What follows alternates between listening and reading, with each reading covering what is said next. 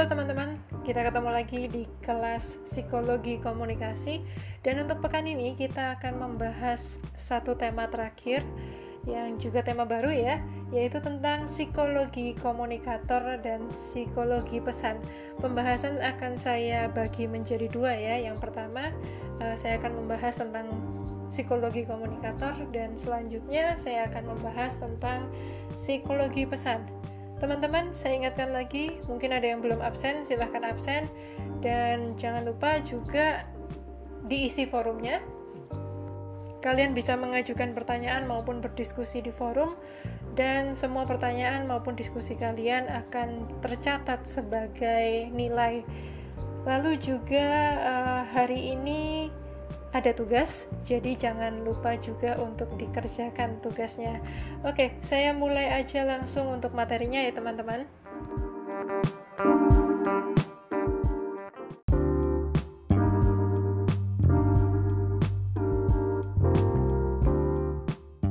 Untuk mempelajari uh, tentang psikologi komunikator ini paling gampang memang dari teorinya Aristotle dia menyebutkan ada etos, patos, dan logos. Nah, uh, di buku ini yang dibahas adalah tentang etosnya dulu. Kalau dari sisi komunikator, patos, logosnya uh, nggak termasuk ya, karena kita akan membicarakan hanya tentang uh, komunikator di sini. Etos, teman-teman, pada dasarnya adalah kredibilitas. Ini ya, ini gampangnya aja ya. Kita samakan etos dengan kredibilitas. Kredibilitas ini terdiri dari dua unsur yaitu keahlian dan um, sifat yang dapat dipercaya. Jadi ada dua ya ada keahlian dan sifat yang dapat dipercaya kalau kita lihat seseorang sedang bicara kepada kita dalam konteks komunikasi uh, antar pribadi, kita pasti uh, akan melihat dulu apakah orang ini dengan segala pesan yang disampaikan kepada kita itu menunjukkan bahwa dia adalah seorang ahli atau setidaknya menunjukkan bahwa dia adalah sumber yang dapat dipercaya misalkan uh, teman kita yang jomblo gitu ya uh, selama selama hidup uh, selama hidupnya dia tuh nggak pernah pacaran. Tapi kemudian dia memberikan nasihat-nasihat tentang hubungan kepada kita. Nasihat-nasihat bagaimana sih peran kita sebagai pacar kepada uh, pacar kita gitu ya kita sebagai orang yang disayang kemudian peran kita terhadap terhadap pacar kita. Nah tentunya kita akan uh, merasa bahwa teman kita yang jomblo ini tadi sebenarnya tidak punya keahlian atau bisa kita sebut sebagai sumber yang ya nggak bisa dipercaya kalau ngomongin soal tips-tips dalam menjalani sebuah hubungan. Selanjutnya ada tentang dimensi-dimensi etos. Menurut Kelman, um, ada pengaruh komunikasi kita kepada orang lain dan ini wujudnya adalah uh, wujudnya adalah tiga hal yaitu internalisasi, identifikasi dan ketundukan. Kalau internalisasi itu terjadi bila orang menerima pengaruh karena perilaku yang dianjurkan itu sesuai dengan sistem uh, sistem nilai yang dimilikinya. Contohnya aja kalau di Indonesia itu kan uh, kita selalu dianjurkan untuk tidak minum minuman keras. Sebaliknya, uh, kalau merokok itu masih boleh, meskipun ada juga pertimbangan-pertimbangan bahwa merokok itu tidak baik untuk kesehatan. Sedangkan minum minuman keras, kalau di Indonesia itu bahkan benar-benar seperti dicap negatif gitu ya. Tentu ini uh, adalah hal yang bisa diterima kalau di Indonesia. Siapa pun yang kita ajak ngomong bahwa mir, uh, minuman keras itu merupakan hal yang negatif, mungkin dia bisa setuju meskipun ada ada pembelaannya ya. Ini terjadi karena inilah uh, nilai yang dianut oleh um, orang Indonesia. Coba uh, kita balikkan dengan negara-negara yang memang negara peminum, bukan negara perokok. Kalau Indonesia itu kan negara perokok ya.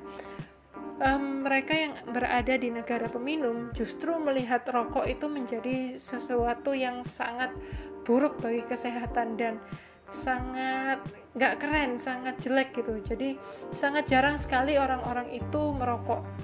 sedangkan um, urusan minuman keras itu merupakan hal yang uh, biasa di sana hal yang reguler gitu ya di sana jadi ketika ada anak-anak uh, muda uh, mereka berkumpul mereka minum minuman keras itu bukan sebuah tindakan yang salah namun itu adalah sebuah hal yang biasa ya, uh, merupakan habit juga ya teman-teman habitnya orang orang-orang di sana nah itulah sebuah sistem nilai yang kita miliki. Nah, jika jika kita orang Indonesia diberi gagasan bahwa minuman keras itu buruk, minuman keras itu gak keren, minuman keras itu terlarang, kita bisa dengan mudah menelan gagasan itu.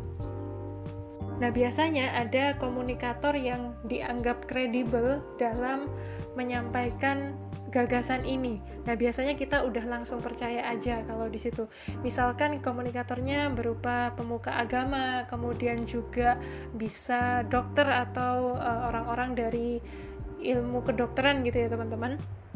Selanjutnya ada identifikasi. Nah, biasanya kita sebagai komunikan ini seneng banget ketika melihat komunikator yang kita lagi ajak ngobrol itu ya um, memiliki kesamaan-kesamaan dengan kita.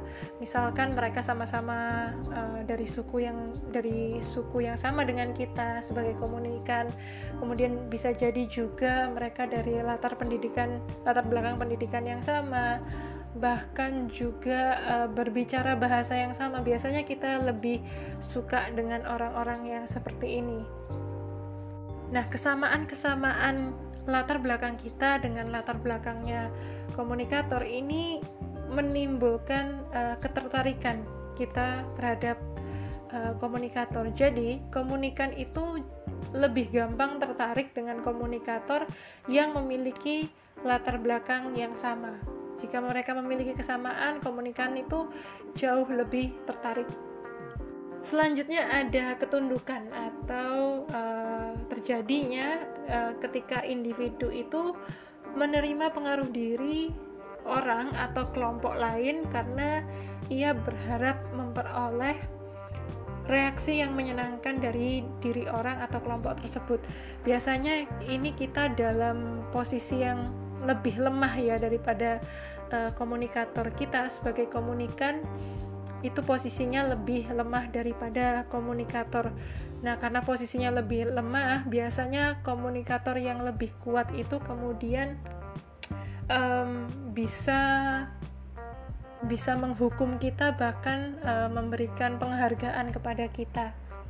Terkadang um, dalam situasi komunikasi dalam situasi komunikasi ya teman-teman bisa jadi kita sebagai komunikan itu tertarik kepada komunikator karena kita ketakutan dengan komunikator itu yang kita anggap lebih berkuasa daripada kita. Misalkan uh, ketika kalian dimarahin sama orang tua kalian, kalian tentu uh, mungkin bisa jadi diem aja gitu ya, diem aja tidak tidak menatap wajah orang tua kalian semata-mata karena kalian takut kalau kalian mulai uh, merespon dengan kata-kata, orang tua kalian akan semakin marah.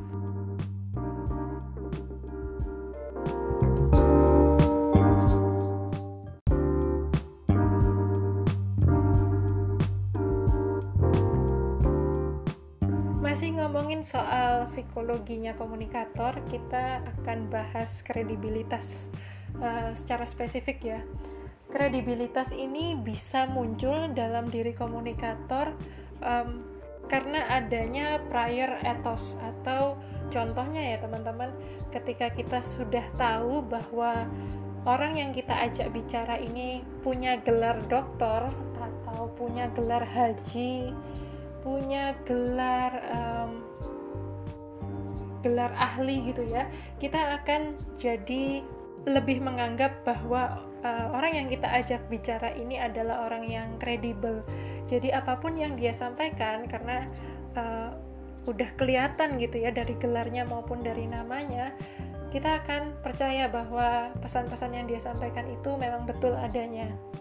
Misalkan kalau kita mendengar informasi dari seorang komunikator yang namanya sudah ada tulisan DR atau dokter gitu ya teman-teman dokter di depan namanya. Maka kita akan percaya bahwa segala sesuatu yang berkaitan dengan medis ya informasi medis yang dia sampaikan uh, akan betul adanya karena dia adalah seorang ahli. Namun prior ethos ini bukan berarti uh, menjadi hal yang menghipnotis ya, menghipnotis komunikan. Bukan berarti asal ada kata dokter di depan nama uh, komunikator maupun asalkan ada gelar ahli itu ya di yang dimiliki komunikator lantas komunikan itu auto percaya aja tentunya nggak seperti itu ya teman-teman. Karena ada perilaku perilakunya komunikator itu yang kemudian menghancurkan prior ethos ini. Misalkan kita sudah tahu bahwa komunikator ini adalah seorang dokter. Terlihat dari gelarnya terlihat dari jasnya gitu ya. Tapi ternyata begitu uh, dia cerita soal um, virus COVID-19 ini dia malah bilang bahwa virus ini um, bisa disembuhkan dengan kumur betadin aja gitu atau dengan minum uh, air campur minyak kayu putih. Wah kita langsung tidak percaya karena pesan yang dia sampaikan itu mencerminkan hal yang jauh berbeda dengan uh, gelar yang dia miliki atau gelar yang dia janjikan. Nah itu uh, terjadi ketika komunikator itu menghancurkan prior etosnya. Lantas, apakah komunikator yang tidak memiliki gelar di depan namanya maupun tidak kelihatan ahli itu omongannya tidak bisa kita percaya atau omongannya tidak kredibel? Sebenarnya enggak. Komunikator meskipun dia tidak punya um, gelar gitu ya, gelar apa pun yang nempel di namanya. Tapi ketika dia berargumen gitu ya ketika dia ngobrol sama kita dia uh, pidato gitu uh, pesan yang dia sampaikan gagasan-gagasan dia ini sangat runut dan sangat masuk akal. Nah kita bisa menganggap uh, komunikator itu kredibel contoh yang gampang aja ya teman-teman di Twitter itu banyak sekali orang bikin thread bikin cerita panjang, cerita yang uh, bertali gitu ya. Tapi sebenarnya mereka nggak selalu menyampaikan bahwa dirinya mereka ini adalah orang yang kredibel. Um, contohnya aja uh, twitternya di digembok itu uh, zamannya rame kasus uh, korupsinya Garuda itu ya. Sebenarnya uh, akun digembok itu adalah akun anonim. Kita tidak tahu siapa orang di balik uh, akun tersebut kita nggak tahu adminnya kita nggak tahu dia dapat sumber dari mana tapi cara dia menyampaikan informasi itu begitu runut uh, begitu detail juga sehingga banyak sekali orang-orang itu yang percaya bahwa apa pun yang dia sampaikan di tweet itu di cerita thread itu adalah hal yang nyata atau hal yang benar. Dan sampai sekarang saya rasa kita masih belum tahu uh, kasus itu seperti uh, seperti apa tapi dengan bekal kemampuan si adminnya digembok itu untuk menyampaikan informasi kita seolah-olah sudah sudah punya bayangan kasus ini seperti apa uh, kejadiannya kemudian siapa yang bersalah kita seolah-olah sudah uh, punya informasi dari sumber yang kita anggap kredibel.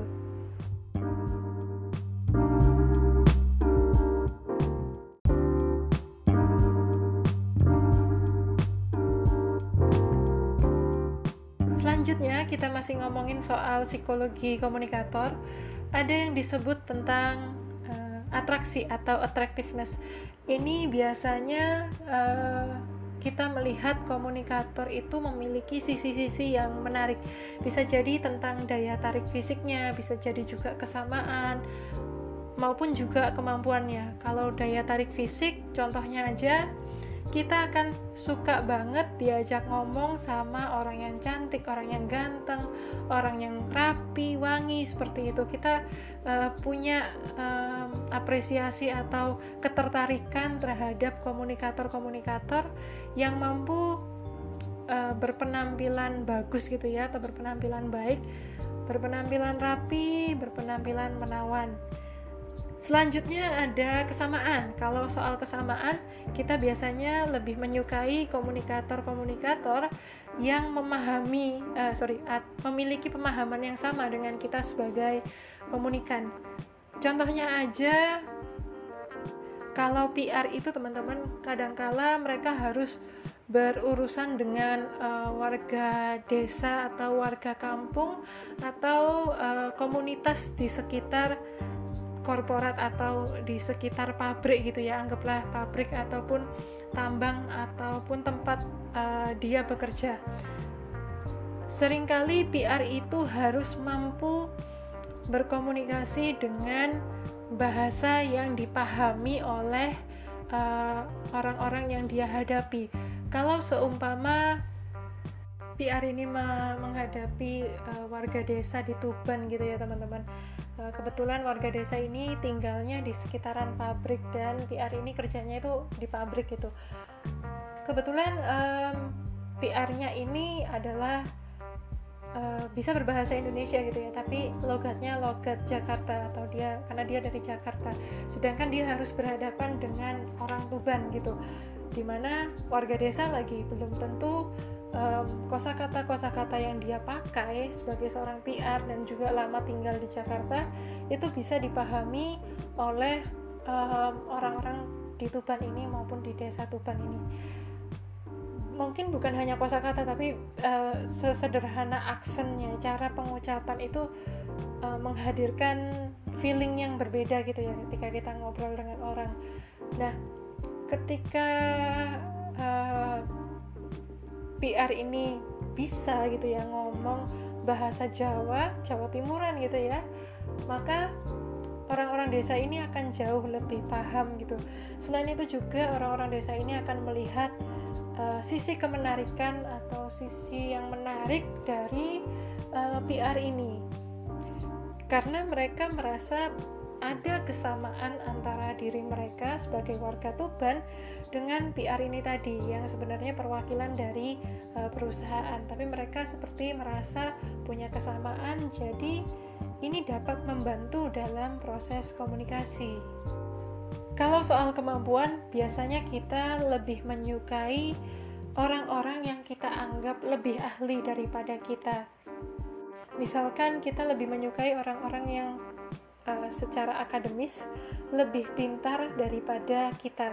Dengan demikian kita melihat dia sebagai uh, orang yang menarik. Nah, ketika orang yang kita anggap ini tadi lebih pintar daripada kita, dia ngobrol sama kita, kita akan melihat sisi hal sisi menarik dari dari komunikator ini yang kita anggap kredibel gitu karena kita tertarik maka kita melihat dia sebagai komunikator yang kredibel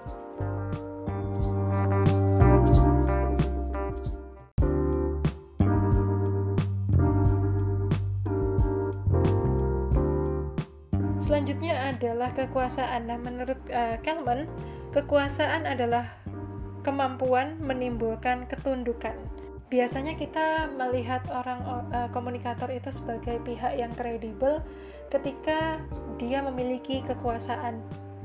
Kekuasaan itu bisa yang sifatnya koersif atau uh, memaksa gitu ya teman-teman. Ada juga kekuasaan yang keahlian, ada kekuasaan infor, informasion uh, informasional dan ada juga kekuasaan rujukan dan kekuasaan legal misalkan uh, dari sisi kekuasaan keahlian gitu ya teman-teman. Biasanya kita melihat uh, komunikator itu menjadi pihak yang kredibel karena dari sisi keahlian komunikator inilah yang lebih um, lebih berkuasa gitu ya. Dia lebih punya power daripada kita. Begitu juga tentang uh, kekuasaan legal. Ketika kita ngobrol sama polisi gitu ya kita anggap mereka paham betul uh, isi undang-undang. Maka ketika kita tidak tahu tentang sebuah aturan sebuah um, isi undang-undang dan kita mendengarkan apa pun yang disampaikan oleh polisi ini tadi kita jadi percaya karena kita menganggap mereka memiliki kekuasaan legal dan kita nggak ngerti apa-apa.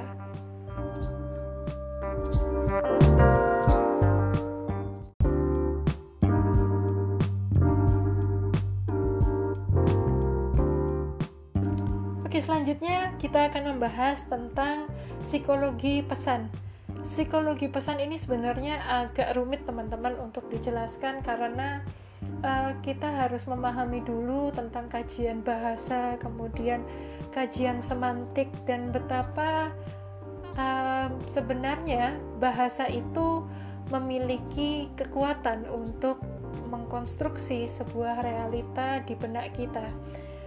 Tapi pada pada pada uh, sederhananya aja ya pada dasarnya saja bahwa awal mulanya itu uh, ada seorang psikolog yang menganggap bahwa sebenarnya kita sebagai manusia atau kita sebagai komunikator gitu ya kita itu bisa menggerakkan manusia lain dengan merangsang salah satu bagian otak.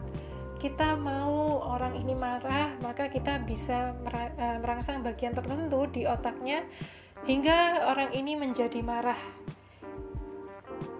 agak jahat sebenarnya tapi ini terjadi teman-teman dalam kehidupan kita sehari-hari. Dan cara uh, manusia atau komunikator itu uh, mengendalikan pikiran kita atau merangsang bagian otak kita agar sesuai dengan tujuannya itu tidak dilakukan uh, dengan menggunakan metode yang rumit gitu ya. Sederhana saja yaitu dengan menggunakan bahasa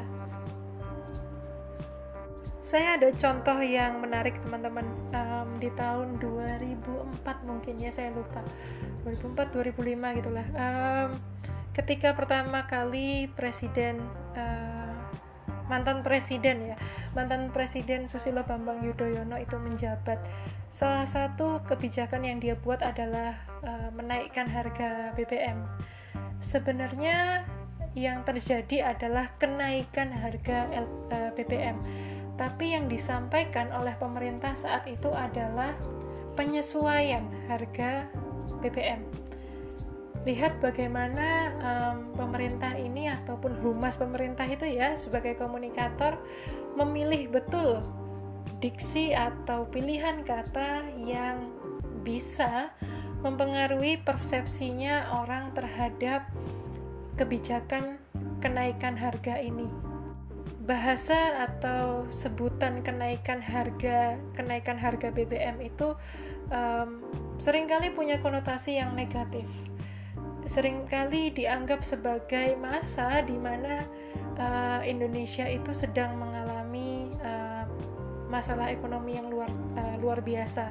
Karena pada era eranya Soeharto ya kalau nggak salah teman-teman. Ya eranya Su uh, Soeharto uh, permasalahan BBM itu jadi jadi unsur uh, sorry jadi isu yang cukup sensitif kalau bisa saya bilang. Karena uh, eh, BBM itu kan yang menunjang uh, kehidupan kita ya. Mobilitas kalau nggak ada BBM nggak jalan.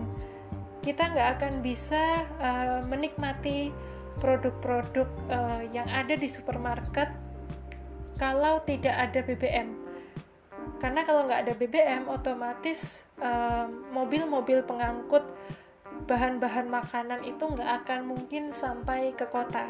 Misalkan kalau uh, bahan makanannya berupa sayur uh, sayur-sayuran, tentu kan uh, ditransportasikan atau ya ditransportasikan dari uh, petani kemudian sampai ke konsumen. Begitu juga dengan produk-produk uh, makanan yang ada di uh, supermarket itu kan pasti dari pabrik sampai ke tangan konsumen perlu yang namanya mobil uh, distributor. Nah kalau mobil distributornya ini nggak ada BBM otomatis uh, bakalan nggak jalan itu uh, roda roda kehidupan kita. Tapi ada isu lain yang kemudian um, berkaitan dengan uh, kebijakan kenaikan BBM ini. Nah untuk uh, membuat lebih halus itu ya atau memperhalus um, bahasa yang digunakan oleh pemerintah saat itu mereka tidak menyebutkan kenaikan BBM tapi justru penyesuaian harga BBM.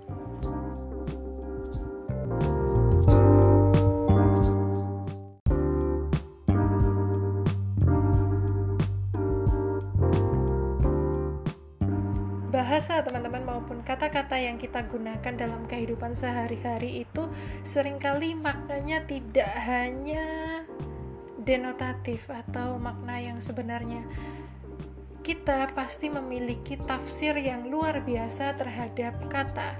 Contohnya aja kata mahasiswa. Saya rasa status kalian semuanya kan mahasiswa ya. Um, ini saya rasa kalian juga merasa mahasiswa itu status yang biasa banget. Tapi coba bayangkan kalau kalian merupakan anak desa gitu atau anak anak di uh, sebuah permukiman di mana tidak semua penduduknya itu mampu menyekolahkan anaknya sampai ke pendidikan tinggi. Tentu kata mahasiswa ini membawa harapan yang luar biasa, menjadi uh, maknanya luar biasa ya di kalangan orang-orang di permukiman ini. Kata mahasiswa bisa jadi sebuah harapan bahwa akan ada sarjana yang uh, masuk atau atau atau berasal dari desa tersebut. Bisa jadi juga kata mahasiswa itu merupakan sebuah tanda perubahan yang terjadi di desa, bahwa desa ini semakin maju karena sudah punya satu mahasiswa yang uh, sekolahnya tinggi itu ya bisa dibilang satu anak yang sekolahnya tinggi. Nah, katanya sederhana sekali mahasiswa secara definisi pun saya rasa uh, tidak ada kata harapan, tidak ada kata uh, perubahan gitu ya. Um, hanya mendefinisikan bahwa mahasiswa itu ya ya pelajar yang ada di universitas gitu. Tapi ketika um, kata kata mahasiswa itu berada di tempat yang berbeda atau di kalangan orang-orang yang berbeda, sering kali kata ini kemudian ditafsirkan. Nah, ini merupakan bagian dari teori general semantics. Sisanya bisa kalian baca di halaman 278.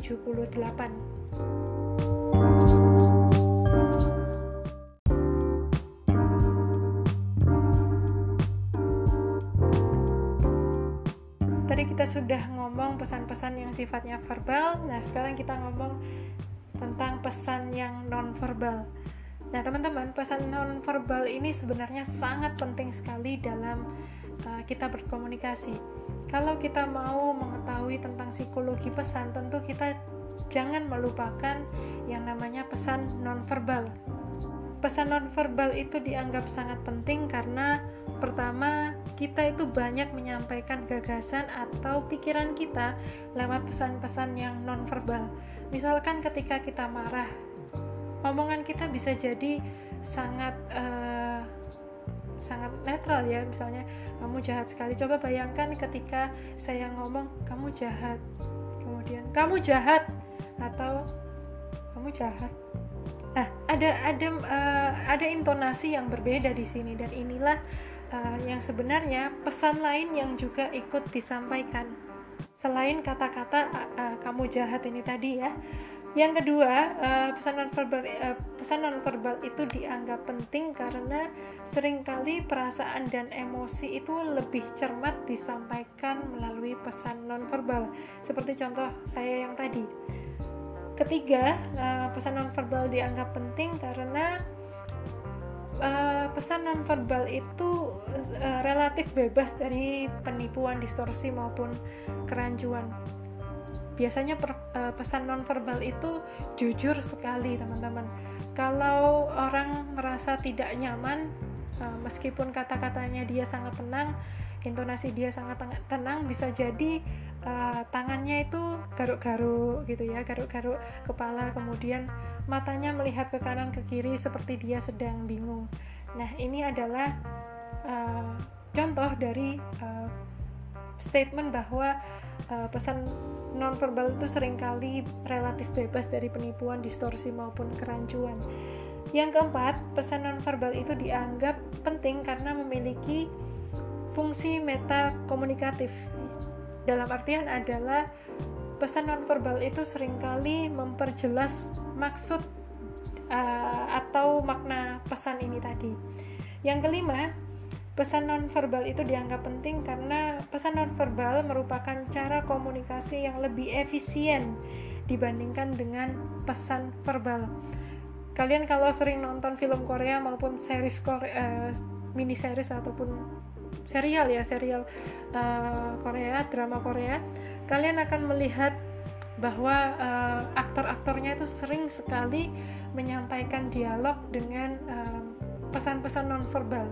Verbalnya malah kadang tidak terucapkan tapi nonverbalnya ada. Misalkan uh, kalau mereka bingung mereka akan menggunakan uh, mimik uh, mimik wajah mereka ya untuk menyampaikan bahwa mereka sedang bingung mereka sedang kesal mereka sedang uh, sedih seperti itu.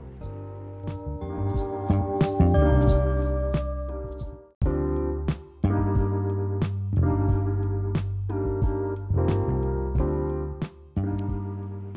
ada pesan verbal dan nonverbal, tentu saja ada organisasi, struktur, dan imbauan pesan. Seringkali kita ingin eh, mempengaruhi uh, komunikan itu ya teman-teman tidak hanya dari pemilihan kata tidak hanya dari unsur-unsur pesan nonverbal tapi juga bagaimana kita mengorganisasikan pesan yang akan kita sampaikan itu tadi nah ada banyak sekali um, template ataupun um, seperti susunan ya teman-teman susunan atau rumusan untuk mengorganisasikan atau untuk membuat strukturnya pesan ini tadi. Nah, biasanya ada tujuan-tujuan tertentu. Pertama, misalkan uh, pesan itu sengaja diatur agar yang pertama dibicarakan oleh si komunikator itu tadi untuk memotivasi uh, komunikannya. Setelah dimotivasi, kemudian uh, harus diapakan lagi?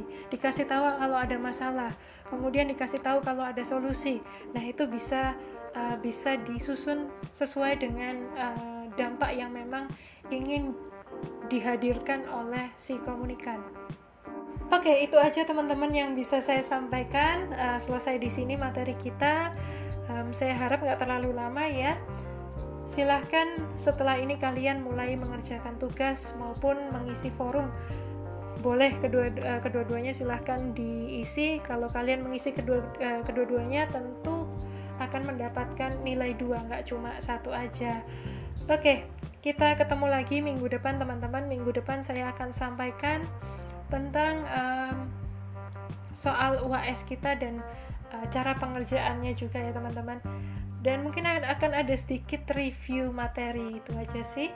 Um, terima kasih kalian sudah mendengarkan podcast saya mulai dari awal um, mat, uh, awal pertemuan sampai dengan sekarang pertemuan ke-13 saya berterima kasih juga kalian sudah mentoleransi semua uh, mungkin ada suara yang bocor mic-nya nggak terlalu kedengeran, nggak terlalu jelas seperti eh, nggak terlalu jelas juga. Kemudian mungkin juga soal durasi. Terima kasih kalian sudah um, mentoleransi hal tersebut dan terima kasih kalian masih selalu mendengarkan. Tidak banyak yang bisa saya sampaikan ya teman-teman. Uh, selain terima kasih untuk kalian. Kita ketemu lagi minggu depan. Uh, kita akan bahas soal UAS. Jadi jangan lupa minggu depan podcastnya didengarkan. Sampai jumpa. you